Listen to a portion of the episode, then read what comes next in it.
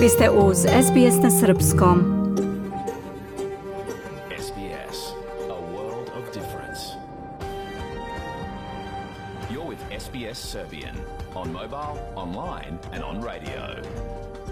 Vi ste uz SBS na Srpskom, na mobilnom, na internetu i na radiju.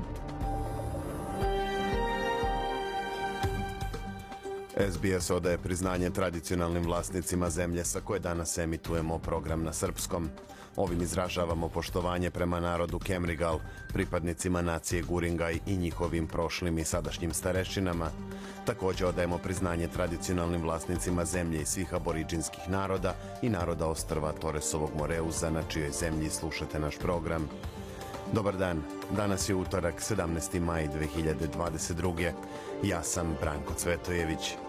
U današnjem programu na srpskom slušat ćete. Četiri dana uoči izbora došlo je vreme za svođenje računa. Koja je stranka šta najavila, koliko ta obećanja koštaju i kako će biti pokrivena rupa u budžetu. Koalicija je rekla svoje, a laboristi će isto učiniti u četvrtak. Govorit ćemo i o programima manjih stranaka i značaju koji bi one mogle da imaju posle izbora. Kako je za samo nekoliko nedelja došlo do potpunog zaokreta i najave da Fiat na dve godine zatvara svoja postrojenja u Srbiji. Kakve garancije od vlade Srbije su dobili zaposleni, čućemo od Mije Nikolić. U petak 20. maja u Melbourneu će biti otvorena izložba Australijanci sa Srbima u Prvom svetskom ratu. Tim povodom za naš program govori Bojan Pajić. Ostanite sa nama narednih sat vremena. Sledi pregled vesti.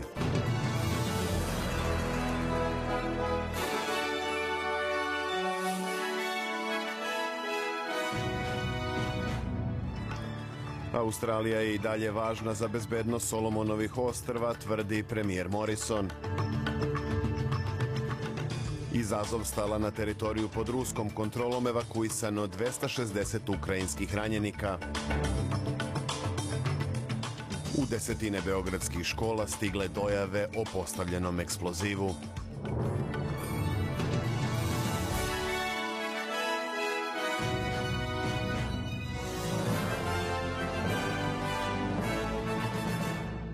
Savezna vlada je najavila smanjenje troškova u javnom sektoru ukoliko bude ponovo izabrana. Državni blagajnik Josh Frydenberg rekao je da će koalicija smanjiti budžetski deficit za 104 milijarde dolara, a jedan od načina da se to postigne biće smanjenje budžeta ministarstava i državnih agencija. Predviđa se da će se time uštedeti nešto više od 2,3 milijarde dolara od ukupnog troška državne službe koji iznosi 327 milijardi. Prema rečima Freidenberga, koalicija će time pokriti sve troškove ulaganja najavljenih tokom predizborne kampanje. S druge strane, laburisti su najavili da će u četvrtak objaviti troškove svojih predizbornih obećanja i načine na koje planiraju da ih pokriju. Takođe, laburisti predlažu finansiranje medicinske proizvodnje u iznosu od 15 milijardi dolara kako bi se ovaj sektor u potpunosti rekonstruisao i da bi se pružila podrška lancima snabdevanja medicinskim sredstvima, uključujući tu i vakcine. Više o predizbornoj kampanji govorit ćemo odmah posle pregleda vesti.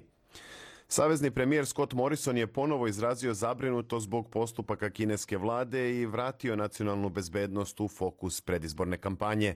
Morrison je istakao da Australija i dalje igra važnu ulogu u bezbednosti Solomonovih ostrva, uprko sporazumu koji je ta zemlja sklopila sa Kinom. I mean, we have a. Morrison je podsjetio da su pripadnici Australijske federalne policije trenutno na Solomonovim ostrvima, a vojne snage su tamo još od decembra. Mi smo prvi koji pozivaju u vezi bezbednosti. To je uvek bio slučaj i pogrešno bi bilo sugerisati suprotno, rekao je premijer. Opozicija u Južnoj Australiji će se zalagati za ukidanje zatvorske kazne i za smanjenje novčanih kazni koje se izriču zbog kršenja pandemijskih propisa. Prekršaji u vezi s javnim zdravljem trenutno podležu maksimalnoj kazni od dve godine zatvora ili novčanoj kazni do 75.000 dolara za biznise, odnosno do 20.000 dolara za pojedince. Ovi državni zakoni su trenutno tema rasprave u zakonodavnom savetu nakon što su prošli u donjem domu parlamenta Južne Australije. Nova laboristička vlada te države planira da ukine deklaraciju o vanrednoj situaciji do 30. juna. Prema predloženim izmenama vlada će i dalje imati moć da nametne obaveznu vakcinaciju i nošenje maski u okruženjima visokog rizika. Prelazimo na vesti iz sveta. Zamenica ukrajinskog ministra odbrane Ana Maljar potvrdila je da je više od 260 ukrajinskih boraca, od kojih su neki teško ranjeni, evakuisano iz Čeličane Azovstal i odvedeno u oblasti pod ruskom kontrolom. Više od 50 povređenih ukrajinskih vojnika evakuisano je humanitarnim koridorom u bolnicu u Novoazovsku, a još 211 u Olenivku. Za sada nema potvrde o tome da li će se ranjenici smatrati ratnim zarobljenicima. Ukrajinski predsjednik Vladimir Zelenski čestitao je spasilačkim ekipama na uloženim naporima. Nadamo se da ćemo uspjeti da spasemo živote naših vojnika. Među njima ima teško ranjenih i želim da podvučem da su Ukrajini potrebni živi ukrajinski heroji. To je naš princip. Naša vojska i obaveštajci su počeli operaciju spasavanja branilaca Mariupolja, koja će omogućiti njihov povratak kući, ali to je delikatan posao i zahteva vreme.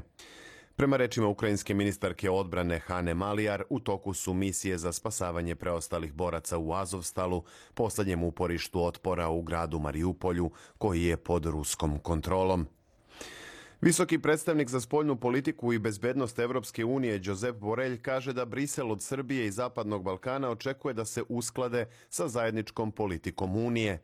On je na zajedničkom sastanku šefova diplomatije EU i zemalja Zapadnog Balkana najavio pomoć u prevazilaženju uticaja i ekonomskih posledica rata u Ukrajini. The ministers expressed Ministri spoljnih poslova EU izrazili su jasno očekivanje od partnera i budućih članica Unije da se posvete zajedničkim vrednostima i zajedničkoj spoljnoj i bezbednostnoj politici. Oni koji to nisu još uradili, a Srbija je jedna od njih, trebalo bi što je pre moguće da ubrzaju svoje usklađivanje i da primene sankcije. Mi razumemo poteškoće i vrednujemo činjenicu da su svi oni glasali protiv Rusije u Generalnoj skupštini UN-a, ali mi očekujemo od kandidata i naših partnera da se u potpunosti usklade s našom spoljnom politikom. Borelj je također rekao da održavanje tesne veze s Putinovim režimom više nije kompatibilno sa izgradnjom zajedničke budućnosti sa EU. That to maintain close ties with the Putin regime Raditi te dve stvari istovremeno nije kompatibilno. Biti neutralan danas u svetlu rata u Ukrajini je pogrešan koncept, poručio je Borelj.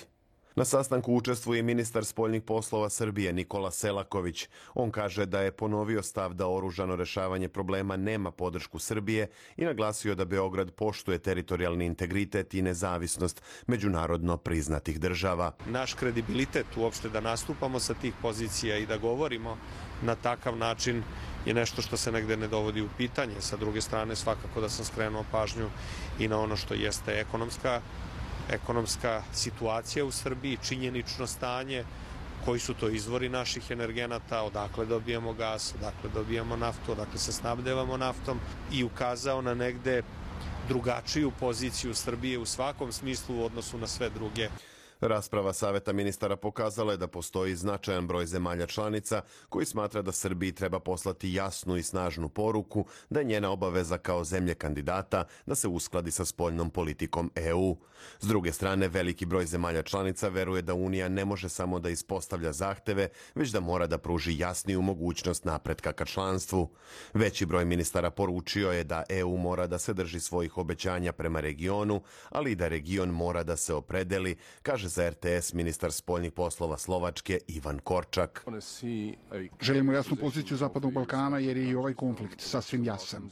Potpuno je jasno ko je agresor, a ko je žrtva. Ako zemlje Zapadnog Balkana kažu da hoće da budu deo ove zajednice, sada je trenutak da pokažu gde pripadaju i koje vrednosti zastupaju. Mađarski ministar Peter Sijarto poručio je tokom rasprave da je Srbija odavno zaslužila članstvo u Evropskoj uniji. Trebalo je još juče da je primimo, ali možemo slobodno i sutra. Nije fair od Evropske unije da više traži od kandidata nego što može da im da. Tražimo od njih da usklade svoju politiku, a za uzvrat im ne dajemo ništa. Da smo Srbiju juče primili u Evropsku uniju, sada usklađivanje politike ne bi bilo pitanje na dnevnom redu. Visoki predstavnik Evropske unije Josep Borelj pozvao je na hitan početak pregovora za pristupanje Severne Makedonije i Albanije Evropskoj uniji. Takođe pozvao je na poštovanje i primenu svih do sada postignutih sporazuma u okviru dijaloga Beograda i Prištine. We need constructive engagement and rapid progress Potreban nam je konstruktivan angažman i brz napredak ka normalizaciji odnosa Kosova i Srbije. Svi se u tome slažu, ali kada sednu zajedno imaju problem da napreduju. Potrebno je da stvorimo poverenje i izbegnemo unilateralne poteze i verujem da ćemo pre leta biti u mogućnosti da organizujemo još jedan sastanak premijera Kosova i predsednika Srbije.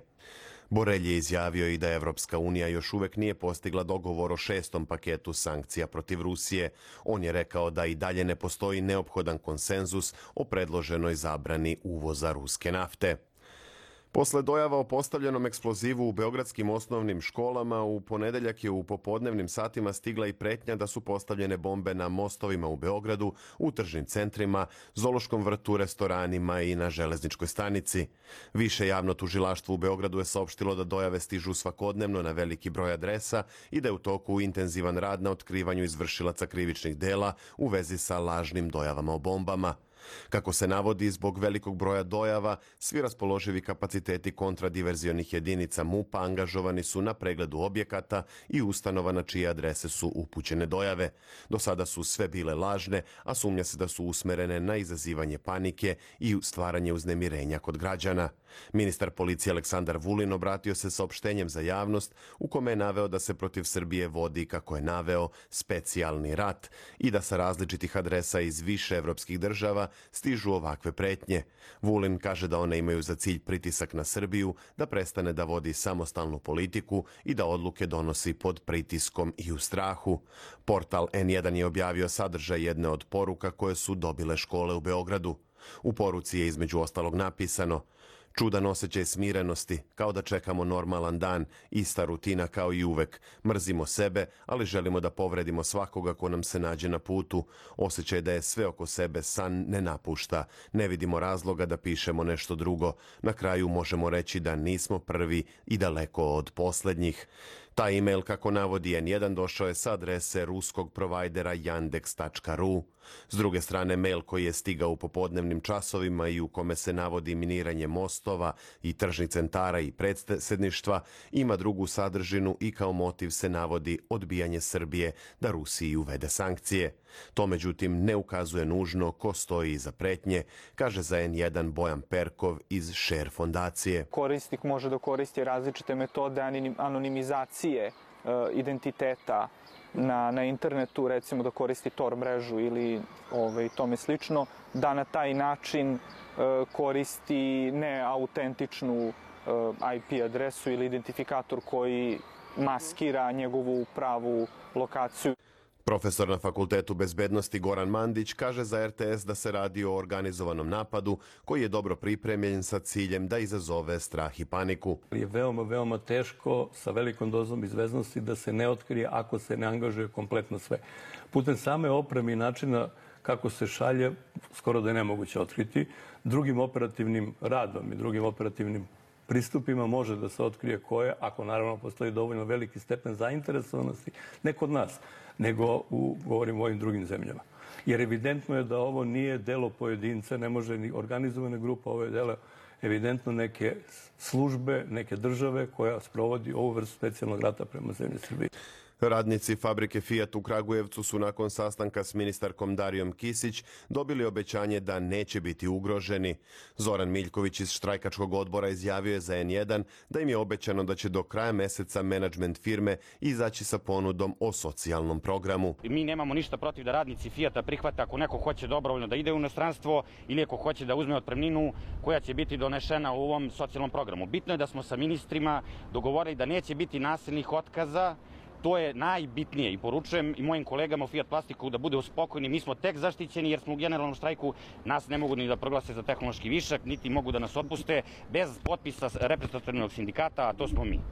Fabrika Fiat ostaje zatvorena do daljeg jer je, kako radnici kažu, tako odlučio menadžment firme. Odluka o privremenom zatvaranju fabrike, međutim, nije se mogla naslutiti pre dve nedelje, kada je predsjednik Srbije Aleksandar Vučić objavio da će se u Kragujevcu proizvoditi novi električni automobil za koji će vlada dati subvencije grupaciji Stellantis, u kojoj je i Fiat. Više o toj temi čućemo kasnije u programu od Mije Nikolić. Na međunarodnom tržištu valuta jedan australijski dolar danas vredi 70 američkih centi, 67 euro centi, 57 britanskih penija i 78 srpskih dinara i 74 pare. Utakmicom Western United Melbourne Victory večeras počinje polufinale play-offa lige. Drugi par koji se igra sutra čine Adelaide United i Melbourne City. Igraće se po dve utakmice, a prednost domaćeg terena u revanšu imaju bolje plasirane ekipe iz ligaškog dela sezone Melbourne City i Melbourne Victory a u Srbiji će odluka o futbalskom prvaku države pasti u poslednjem kolu. Partizan je sinoć savladao Voždovaca 3-0 i smanjio zaostatak za Crvenom zvezdom na dva boda. Utakmica je kasnila nekoliko sati nakon što je stigla dojava o navodnoj bombi u tržnom centru stadion na kojem je meč odigran. U poslednjem kolu Srpske Superlige Crvena zvezda u subotu dočekuje Voždovac, dok je Partizan domaćin radničkom iz Niša. Zvezdi za osvajanje 33. titule treba pobeda pobjeda ili nerešen ishod bez obzira na rezultat Partizanove utakmice. Evo i vremenske prognoze za sutra. U Sidneju sunčano i najviše 20 stepeni, u Melbourneu moguća povremena kiša i 15, a u Kamberi prolazno na oblačenje i 13. U sredu u Brisbaneu moguća slabija kiša i 26, u Adelaidu povremeni pljuskovi i 18, a u Pertu moguće nevreme sa grmljavinom maksimalnih 21. Na Tasmaniji kišovito i 12, a u Darwinu sunčano i 34. U Srbiji danas kišovito, temperatura od 14 do 29 stepeni. Slušali ste pregled vesti SBS radija na srpskom jeziku. Za više informacija posetite sbs.com.au kosacrta news.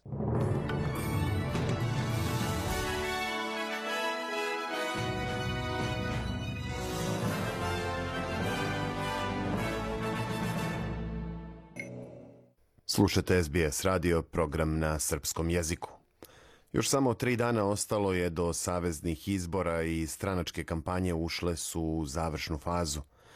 Ekonomska politika je bila dominantna tema u proteklim sedmicama, pa se i poslednja nedelja pred glasanje odvija u istom tonu. Koalicija je posle niza kritika opozicije o rastućim troškovima života i sve većem budžetskom deficitu danas objavila strategiju za smanjenje troškova državne kase – I savezne vlade kažu da su tokom kampanje izneli čak 35 različitih politika za obračun i smanjenje troškova, a da se danas još dve predaju na analizu u državni trezor. Ključna strategija vladajuće koalicije biće rezanje troškova u javnom sektoru. Kako je rekao državni blagajnik Josh Frydenberg, Ukoliko sadašnja vlada bude reizabrana, budžetski deficit će se smanjiti za ukupno 104 milijarde dolara u naredne četiri godine, a jedan od poteza biće umanjeni budžeti državnih agencija. Freidenberg tvrdi da će povećavanjem takozvane dividende efikasnosti sa 1,5 na 2% moći da se prikupi više od 2,3 milijarde dolara. Time će se, prema rečima državnog blagajnika, doprineti pokrivanju svih troškova najavljenih u predizbornim obećanjima koalicije. Freidenberg je izneo podatak da godišnji račun svih ministarstava Commonwealtha i njihovih agencija iznosi oko 327 milijardi dolara, te da će uvođenjem novih mera za javni sektor troškovi biti smanjeni na oko 324 milijarde dolara. Najavljujući stezanje kajša za državne službe, Freidenberg je odgovorio i na optužbe laburista. On je nazvao lidera opozicije Antoni Albanezea slabim, ističući da nikada nije predstavljao budžet australijskoj javnosti. He and the Labor Party have not put forward one Albaneze i laburisti tokom kampanje nisu objavili ni jednu politiku za nezavisno obračunavanje troškova od strane Trezora i Ministarstva financija. Suprotno njih koalicija je iznela 35 takvih politika, kazao je Freidenberg.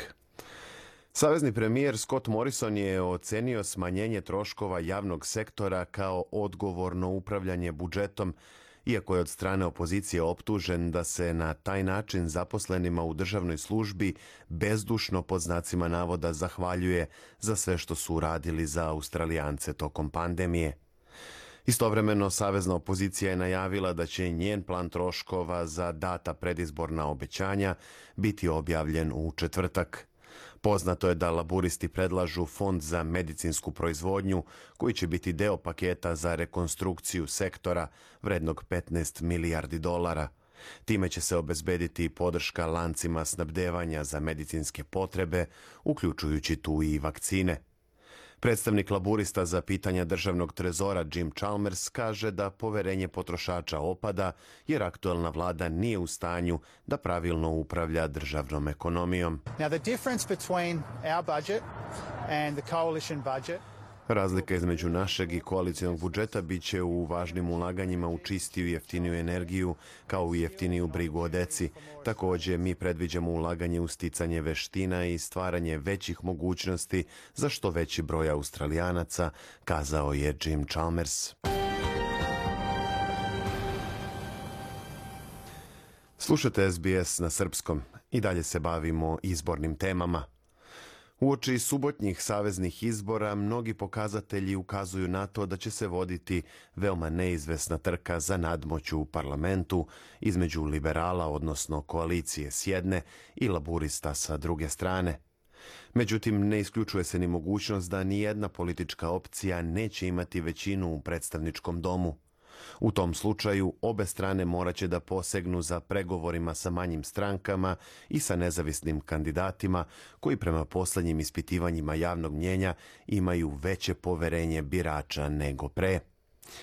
Koje male stranke bi mogle da budu ključne u pružanju podrške koaliciji ili laburistima i za šta se one bore, sumirala je Lucy Mari iz informativne redakcije SBS-a.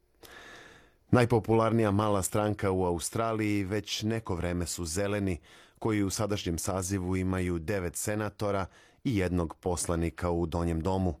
Zeleni spadaju u socijalno progresivne stranke, a na ovim izborima se između ostalog zalažu za uvođenje zubarskih usluga i usluga mentalnog zdravlja u Medicare. Takođe, zeleni žele da ugalj i gas budu zamenjeni obnovljivom energijom, i da se sklopi sporazum s prvim narodima Australije. Lider ove stranke Adam Band je potvrdio da će zeleni na ovim izborima, kao i do sada, svoje preference davati laburistima. Stranku Ujedinjena Australija osnovao je i finansira rudarski magnat Clive Palmer. U aktualnom sazivu parlamenta ovu partiju predstavlja bivši član liberala Craig Kelly. UAP važe za partiju koja velika sredstva troši na oglašavanje, prema rečima Klajeva Palmera, 70 miliona dolara. Program stranke zasniva se na platformi slobode, a politike za koje se zalaže Ujedinjena Australija između ostalog obuhvataju da nema obavezne vakcinacije protiv covid kao ni cenzure na društvenim mrežama – Takođe, Ujedinjena Australija traži da se kamate na stambene kredite ograniče na maksimalno 3% u periodu od 5 godina. Kada je reč o preferencama, Ujedinjena Australija na listama za Senat ne podržava ni jednu vodeću partiju, a za predstavnički dom njihove preference su podeljene između liberala i laburista, mada u većini izbornih jedinica sa malom razlikom u glasovima daju prednost liberalima. To međutim nije slučaj u sedištu Dixon u Queenslandu, koje trenutno drži ministar odbrane Peter Dutton. Još jedna od manjih partija koja ima svoje predstavnike u parlamentu je Jedna nacija. Ovu stranku je krajem 90-ih osnovala Pauline Hanson i Jedna nacija će pre svega imati cilj da najmanje zadrži svoja sadašnja dva mesta u Senatu. Ova stranka takođe ima izraženu platformu protiv obavezne vakcinacije, Takođe zalažu se za smanjenje prihvata izbeglica u narednih pet godina, a traže i povlačenje Australije iz Parijskog sporazuma o klimatskim promenama iz 2016. Jedna nacija se takođe protivi najvećim partijama i na izborima će dati prednost manjim strankama, ali sa izuzetkom zelenih koje će u preferencama staviti na poslednje mesto. Sve detalje o programima i preferencama stranaka možete pronaći na njihovim zvaničnim internet stranicama. Vi slušate SBS radio. Ja sam Branko Cvetojević. Ostanite uz program na srpskom. Slušajte SBS na srpskom, na mobilnom, na internetu i na radiju. Slede aktuelnosti iz Srbije. Samo nekoliko nedelja posle najave predsednika države Aleksandra Vučića da će u Kragujevačkoj fabrici Fiat Chrysler početi proizvodnja električnih automobila, Stellantis grupa je odlučila da na dve godine zatvori ovaj pogon i da otpusti radnike. Kako je došlo do tako naglog zaokreta, čućemo u razgovoru sa Mijom Nikolić. Mija, dobar dan. Samo sa jednim danom razlike predsjednik je najavio vrlo pozitivne trendove u automobilskoj industriji, a radnici Fijata započali proteste. Recite nam više. 12. maja je predsjednik Republike na otvaranju sajma automobila izjavio da srpska autoindustrija ima svetlu budućnost i ponovio da dolazak Stellantisa otvara novo poglavlje u našoj zemlji. Dan kasnije, radnici jedine domaće fabrike automobila Kragujevačkog Fijata, koji posluju u okviru multinacionalne korporacije Stellantis, organizovali su proteste i najavili blokadu tog grada, jer je poslodavac odlučio da na dve godine zatvori proizvodnju, a zaposlene uputi na rad u inostranstvo ili im uruči otkaze. Grupa Stellantis i vlada su pre, ako se ne varam, oko dve sedmice potpisali ugovor o finansiranju proizvodnje električnih automobila. Šta je predviđeno tim ugovorom? Dve nedelje ranije predstavnici Stellantisa i vlade Srbije su potpisali ugovor o finansiranju proizvodnje električnih automobila u Kragujevačkoj fabrici. Kako je tada objasnio predsednik Vučić, ukupna investicija vredna je 190 miliona evra, od čega će vlada Srbije kao vlasnik trećine akcija obezbediti 48 miliona evra, a objavio je da će od sredine 2024. godine grupacija Stellantis u Kragujevcu početi proizvodnju najmodernijih gradskih električnih automobila u svetu. Mediji su tada najavili da je srpska autoindustrija na prekretnici, da je potpisan elektrošok za kragujevački Fiat, da će se automobilom na struju valjda staviti tačka na često ponavljanu tvrdnju da samo novi model spašava fabriku. Iako je početak proizvodnje najavljen za 2024. naš predsjednik je rekao da nova era u investicijama i ponašanju države u toj zoni počinje tog 28. aprila i da ćemo ovaj put u potpunosti ići u korak sa najrazvijenijim delovima sveta, a direktor kompanije Stellantis Carlos Tovareš je potvrdio da se u autoindustriji apsolutno sve menja upravo sada, kako je rekao. Potpisani ugovor je ocenio kao znak fokusiranja na uspešnu transformaciju srpske fabrike i prelazak sa konvencionalnih na električne tehnologije. Pobednički ton te objave radnici Kragujevačke fabrike izgleda da nisu razumeli, jer im je iz poslovodstva kompanije rečeno nešto sasvim drugo. Da, šta im je rečeno? Pa su se odlučili na proteste.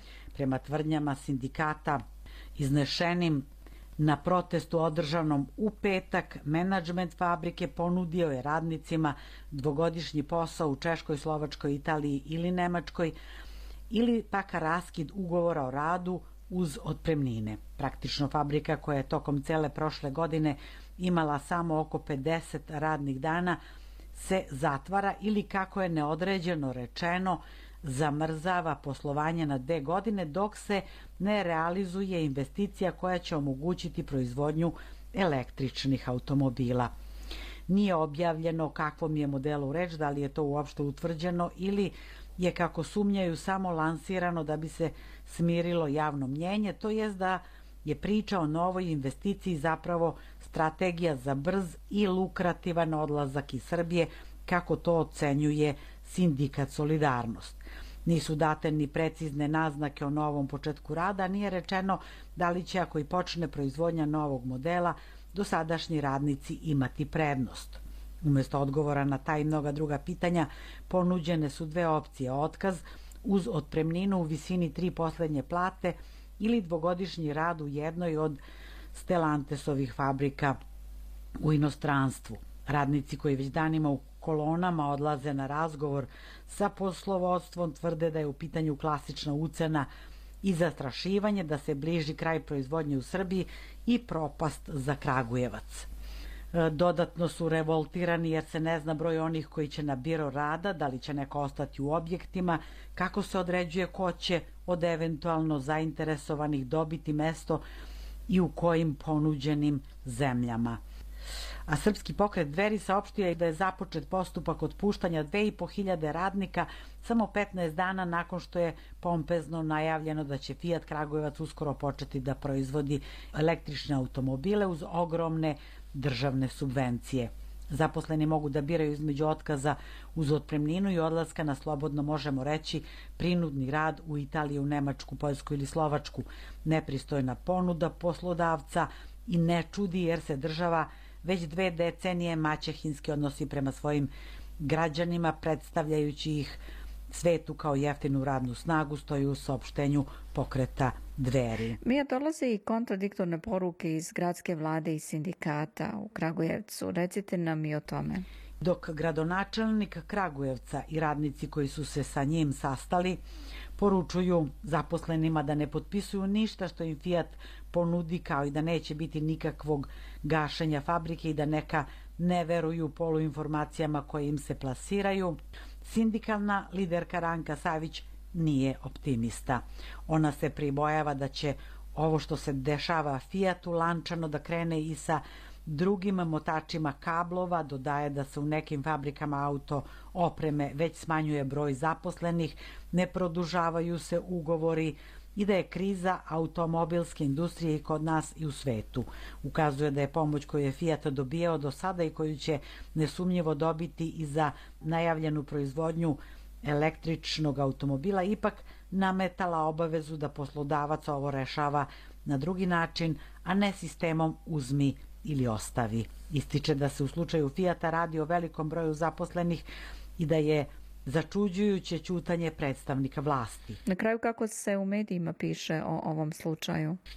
Dnevnik danas podsjeća da vlast nije začutala samo sada kada se najavljuje zamrzavanje rada ove fabrike, ona ćuti već 12 godina koliko Fiat posluje u Srbiji.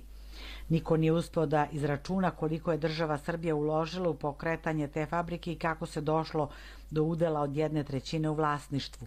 Ugovor sklopljen sa tom kompanijom nije objavljen, ne znaju se obaveze države ni iznos subvencija koje su date, ne zna se vrednost carinskih i poreskih olakšica, jer Kragujevačka fabrika jeste jedan od najvećih izvoznika, ali i uvoznik ključnih delova i to sa povlašćenim statusom.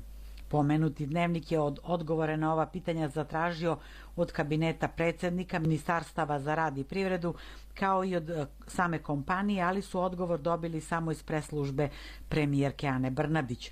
Tu se navodi da je Razvojna agencija Srbije učestvovala u pregovorima oko nove investicije Fijata za proizvodnju električnog vozila, ali ne i oko rešavanja pitanja zaposlenih. Što se tiče carinskih i poreskih olakšica i ukupne državne pomoći, preslužba premijerke je predložila da se danas obrati ili nadležnim državnim organima, poreskoj upravi i upravi carine ili direktno menadžmentu kompanije. Studio? Toliko za danas, Mija, hvala. Bila je to naša saradnica iz Srbije, Mija Nikolić. Slušate program na srpskom, ja sam Biljana Ristić.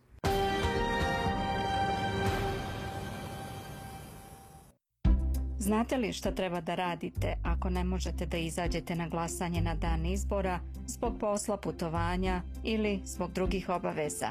Možete glasati na glasačkom mestu za ranije glasanje ili da se registrujete za glasanje poštom. Na glasačkim mestima biće na snazi mere zaštite od COVID-19. Federalni izbori biće održani u subotu 21. maja. Svi državljani Australije koji imaju 18 godina ili su stariji moraju da glasaju. Vaš glas je važan za budućnost Australije. Da biste proverili kako možete da glasate ranije i da li imate pravo na to, ili da nađete vama najbliže glasačko mesto, posetite aec.gov.au ili pozovite 1300 720 147. Odobrio predsjednik izborne komisije Kambera. Slušate SBS na srpskom. Posle svečanog obeležavanja stogodišnjice obnove Srpske patrijaršije i svečane sednice Svetog arhijereskog sabora u Sremskim Karlovcima, radni deo sabora nastavljen je u kripti hrama Svetog Save na Vračaru. Tradicionalnom majskom zasedanju Sabora Srpske pravoslavne crkve prisustvuju episkopi iz celog sveta, a među njima i episkop australijsko-novozelandski Siluan koji je u Srbiju doputovao 10. maja. Opširnije Hranislav Nikolić. U Sabornoj crkvi u Sremskim Karlovcima održana je dvodnevna proslava stogodišnjice vaspostavljanja Srpske patrijaršije, velikog jubileja Srpske pravoslavne crkve, a zaokružena je u nedelju veličanstvenim narodnim saborom na centralnom trgu ovog grada. Povodom veka od obnove drevne Pećke patrijaršije, odnosno ujedinjenja svih dotadašnjih srpskih crkvenih oblasti sa različitim statusima u jedinstvenu Srpsku pravoslavnu crkvu, U Karlovačkom sabornom hramu Svetog oca Nikolaja služena je svečana liturgija kojoj je načelstvovao patrijarh Porfirije, a potom je u Patrijaršijskom dvoru održana svečana sednica Svetog arhijerijskog sabora. Posle te sednice, patrijarh Porfirije se sa balkona dvora obratio narodu. Radni deo tradicionalnog majskog zasedanja sabora je u ponedeljak nastavljen u kripti Svetosavskog hrama u Beogradu. Sabor zaseda pod predsedništvom patrijarha Porfirija, a u ponedeljak je usvajao dnevni red koji je predložio sinod. Zvanične najave dnevnog reda nema. Ipak ovdašnji mediji izveštavaju da bi Sabor trebao da razmatra i rad SPC u Americi, situaciju na Kosovu, položaj crkve u Crnoj Gori, status veronauke u državnom sistemu obrazovanja, kao i da Sabor izabere vladike u upražnjenim eparhijama i imenuje novi sastav sinoda. U ponedeljak je saopštena i prva zvanična odluka zasedanja Svetog arhijerijskog sabora Srpske pravoslavne crkve. Ona glasi uspostavlja se puno liturgijsko i kanonsko opštenje sa Makedonskom pravoslavnom crkvom, Ohridskom arhijepiskopijom. Sabor nema nameru da posle rešavanja statusa uslovljava novu sestrinsku crkvu u pogledu opsega njene jurisdikcije u matičnoj zemlji i u dijaspori zaključuje se u saopštenju Sabora Srpske pravoslavne crkve. Sabor na kome učestvuju vladike iz celog sveta, zasedaće do kraja ove sedmice. Iz Beograda za SBS radio, Hranislav Nikolić. SBS na srpskom. Podelimo priče na Facebook stranici.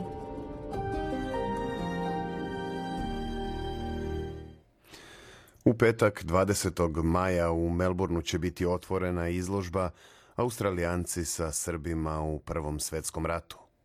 Izložbu u Ratnom memorialnom centru u Melbourneu organizuje Australijsko-Srpska kulturna fondacija. Tim povodom Biljana Ristić razgovara sa Bojanom Pajićem.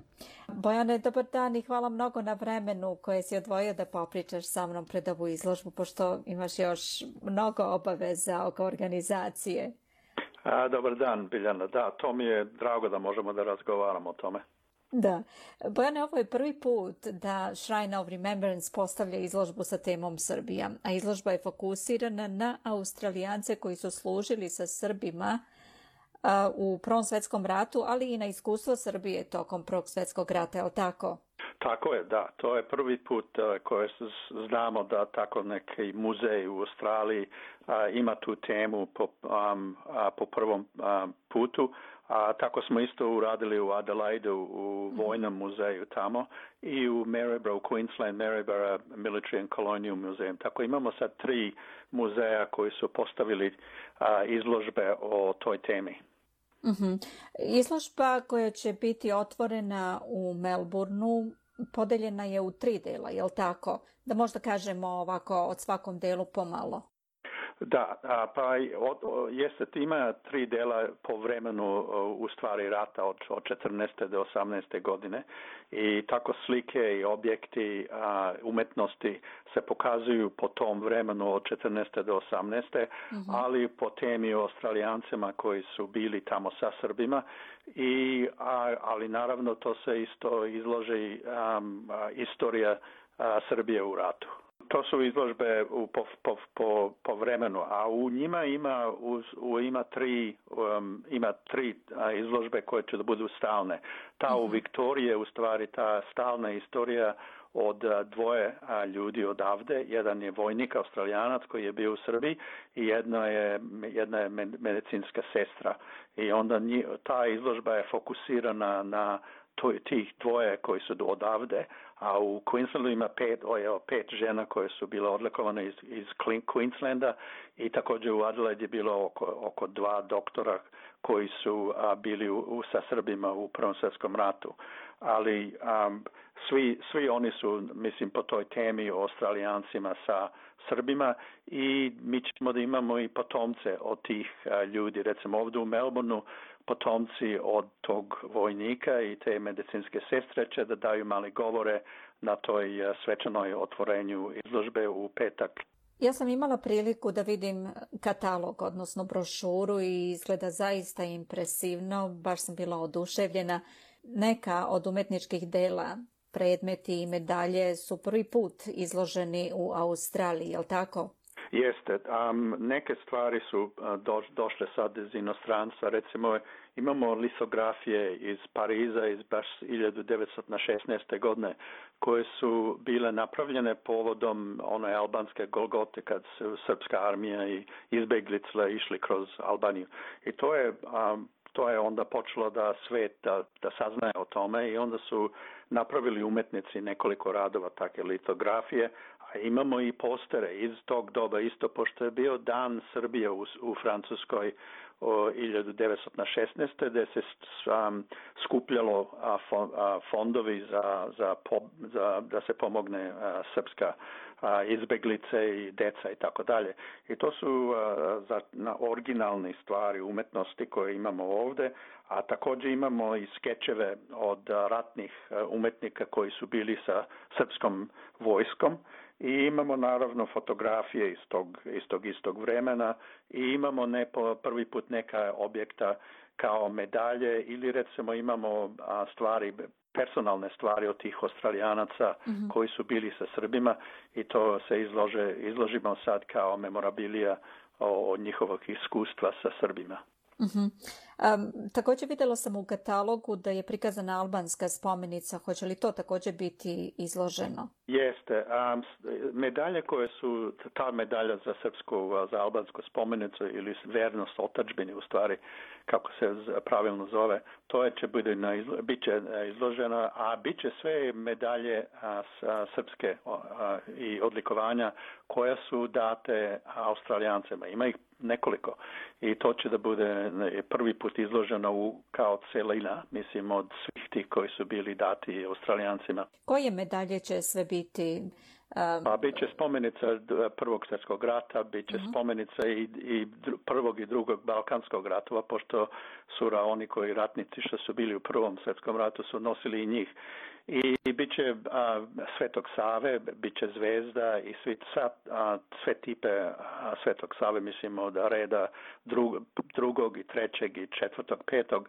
I Belog Orla također i Karadžorđeve zvezde i vojničke Karadžorđeve zvezde što je bilo podeljeno za hrabrost a bit će i medalje za hrabrost Miloš Obilić koje su bile date australijancima i, i bit će nekoliko medalja za medicinske osobe koje recimo kao krst Srpskog crvenog krsta, medalja Srpskog crvenog krsta i tako dalje.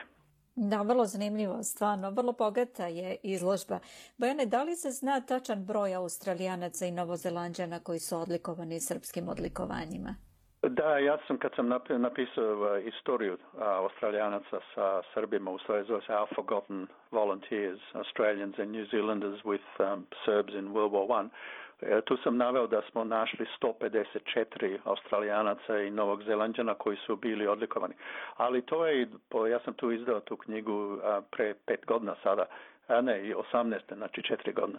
E onda, ali eto, po neki put nekome, neko mi se javlja i kaže, e, pa i moj deda ili dobio neku drugu. Tako da to, taj broj raste kad nađemo sve druga, ali najmanje imamo 154 koje znamo. Ovom prilikom bit će prisutan i ambasador Srbije iz Kambere će doći, je li tako? Jeste, da. Da je novi naš ambasador Rade mm. Stefanović, on, on će da dođe i on će da šta otvori tu izložbu, pošto to je, mislim, ja mislim, glavni temelj veze između dve države i naroda, da smo bili zajednici u, u Prvom svjetskom ratu, za vreme tog strašnog rata. I onda da, mm bilo mi je da će ambasador da dođe a, da otvori to u petak. Mm Moramo da napomenemo da će otvaranju izložbe moći da prisustvuju ljudi sa pozivnicama. Da, tako je. Um, ako ljudi hoće da dođu, pošto imamo ograničeni broj koji može da prisustvuju, ja bih onda zamolio samo da, da se prijave preko um, e-maila, a, mm-hmm. a to je info at iscf.org.au. Ja ne znam, možda vi možete to metnete na vaš sajt. Da, ja ću staviti link. Da. Bojane, također Možda da spomenemo da je Australijski vojni memorialni centar u Kamberi postavio web stranicu na svom portalu o Australijancima i Srbima u Prvom svetskom ratu, ali vi ste u neoficijalnom razgovoru pre ovoga rekli da, da postoje još neki zvanični web sajtovi. Recite nam malo više. Da, um, da Australian War Memorial povodom one ceremonije što smo imali 2018. tamo kad je mhm. završetak stogodišnjice bilo, moja knjiga bila izdata, pa smo onda su oni su um, rešili da, da nastave tu um, temu o Australijancima sa Srbima i, i tako sam uh, sarađivao sa njim da napravimo website o Australian War Memorial o toj temi i to može sad da bude stalna prezentacija. A također otišli smo i da vidimo ministra za veteranske poslove i oni su se isto složili da treba da bude na njihovom web sajtu, sajt, mm-hmm. a isto ta tema o Australijancima sa Srbima u Prvom svjetskom ratu,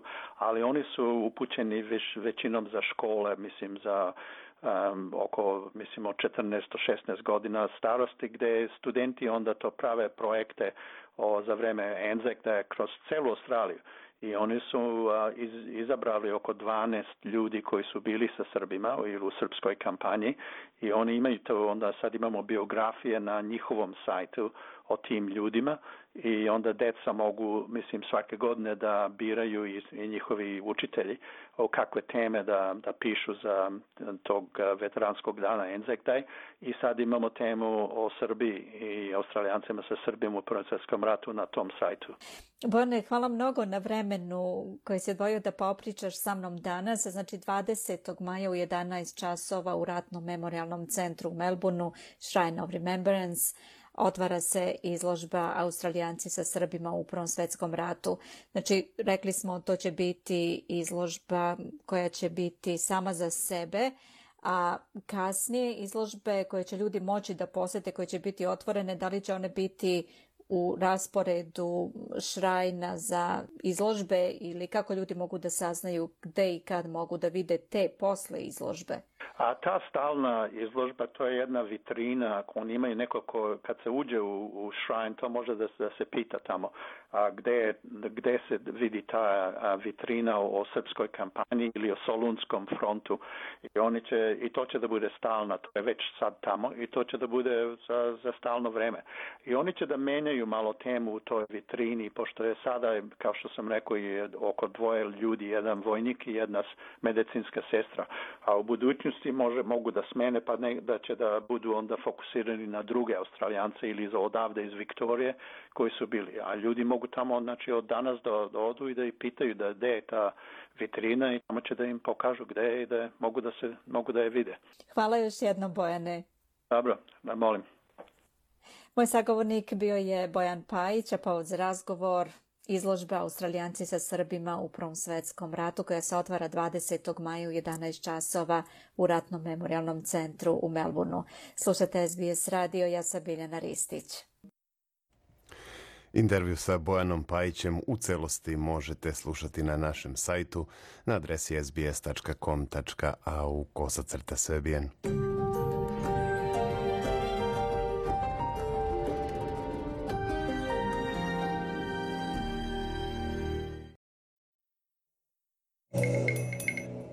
U današnjem zdravstvenom segmentu naše emisije govorit ćemo o kamenu u bubregu. Kako nastaje, šta ga uzrokuje i kakva se terapija preporučuje, čućemo od doktora Velibora Todorovića, razgovarao Aleksandar Živković. Doktore Todoroviću, dobar dan. Dobar dan, Aleksandre, vama i vašim slušalcima. Danas govorimo o problemu kamena u bubregu. Pa na samom početku današnjeg razgovora, da li možete da nam kažete nešto više o ovom zdravstvenom problemu? Kamen u bubregu, mokračnim kanalima i mokračnoj bešici jedan je od najčešćih uroloških problema u našoj populaciji i pogađa oko 14% stanovništva, pri čemu muškarci bolevaju tri puta češće od žena. Količina kamena može da varira od vrlo sitnog količine milimetara do veoma krupnog takozvani koralni kamen koji ispunjava ceo bubreg. Dok kamen miruje na mesto nastanka obično ne izaziva tegobe i obično se otkriva slučajno.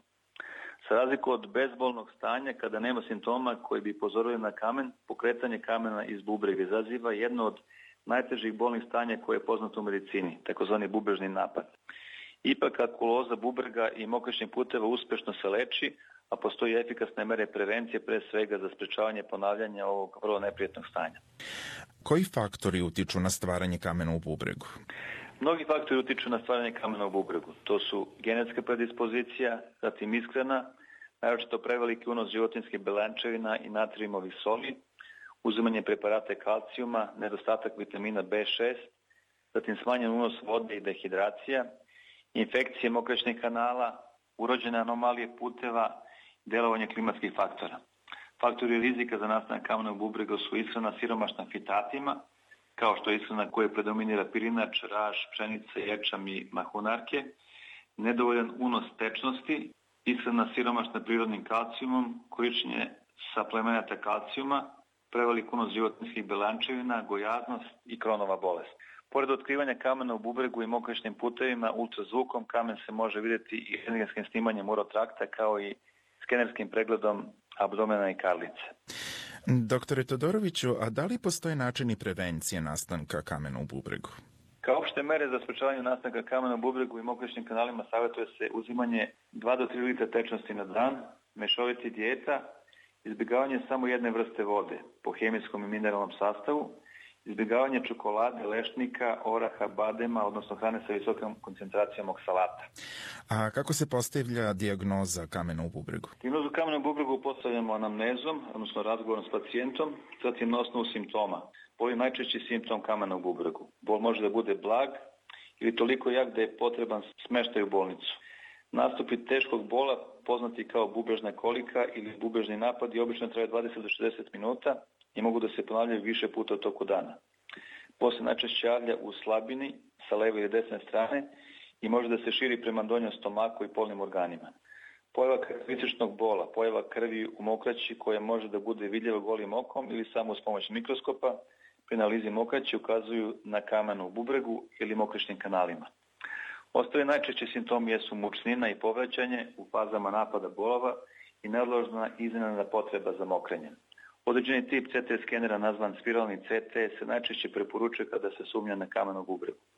Ultrazvuk se široko koristi u diagnozi kamena u bubregu, iako malo kamenja i kamenja u reteru može da se previti. Međutim, ultrazvuk je najbolji oblik snimanja za osobe koje izbjegavaju zračenje, na primjer trudnice. Doktore Todoroviću, a kako se leči? Lečenje kamena u bubregu najčešće zavisi od veličine i položaja kamena. Potrebno je prvo zaustaviti bolove. Ako postoji ozbiljan bol ili mučnina, bit će potreban tretman jačim lekovima protiv bolova i intravenskim infuzijama.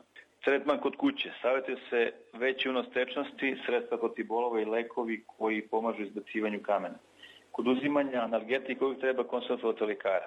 Od pacijenta se može tražiti da eventualno, ako je moguće, sačiva i donese izmokreni kamen.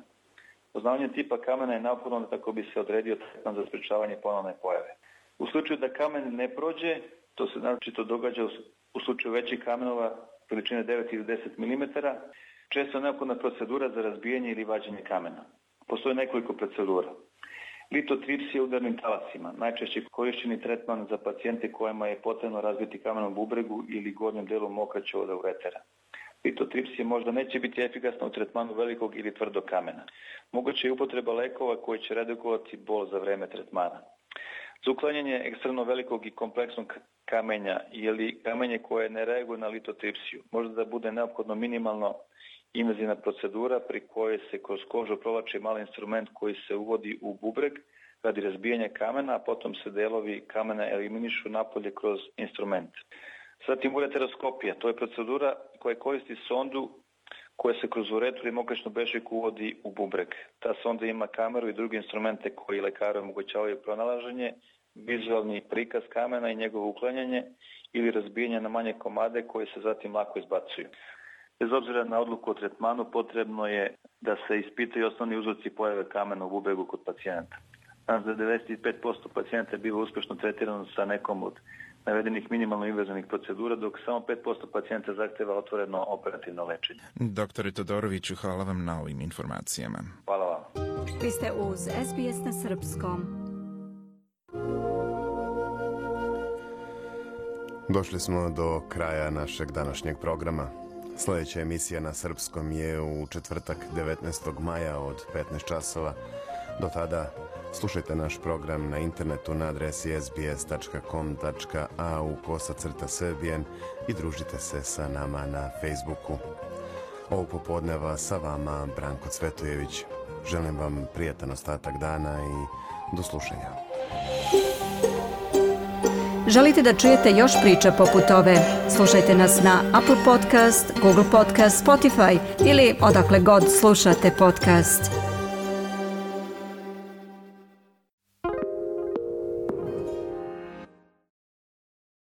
SBS is Australia's most trusted multilingual broadcaster. Our listeners are loyal, highly engaged, and have supported countless local businesses. We offer advertising packages for businesses of all sizes. Our experienced sales team will guide you through the process of owning a great campaign. Bring your own ad or have our production team make you something in one of our 68 languages. Start the conversation with your new audience today. Email sales at sbs.com.au.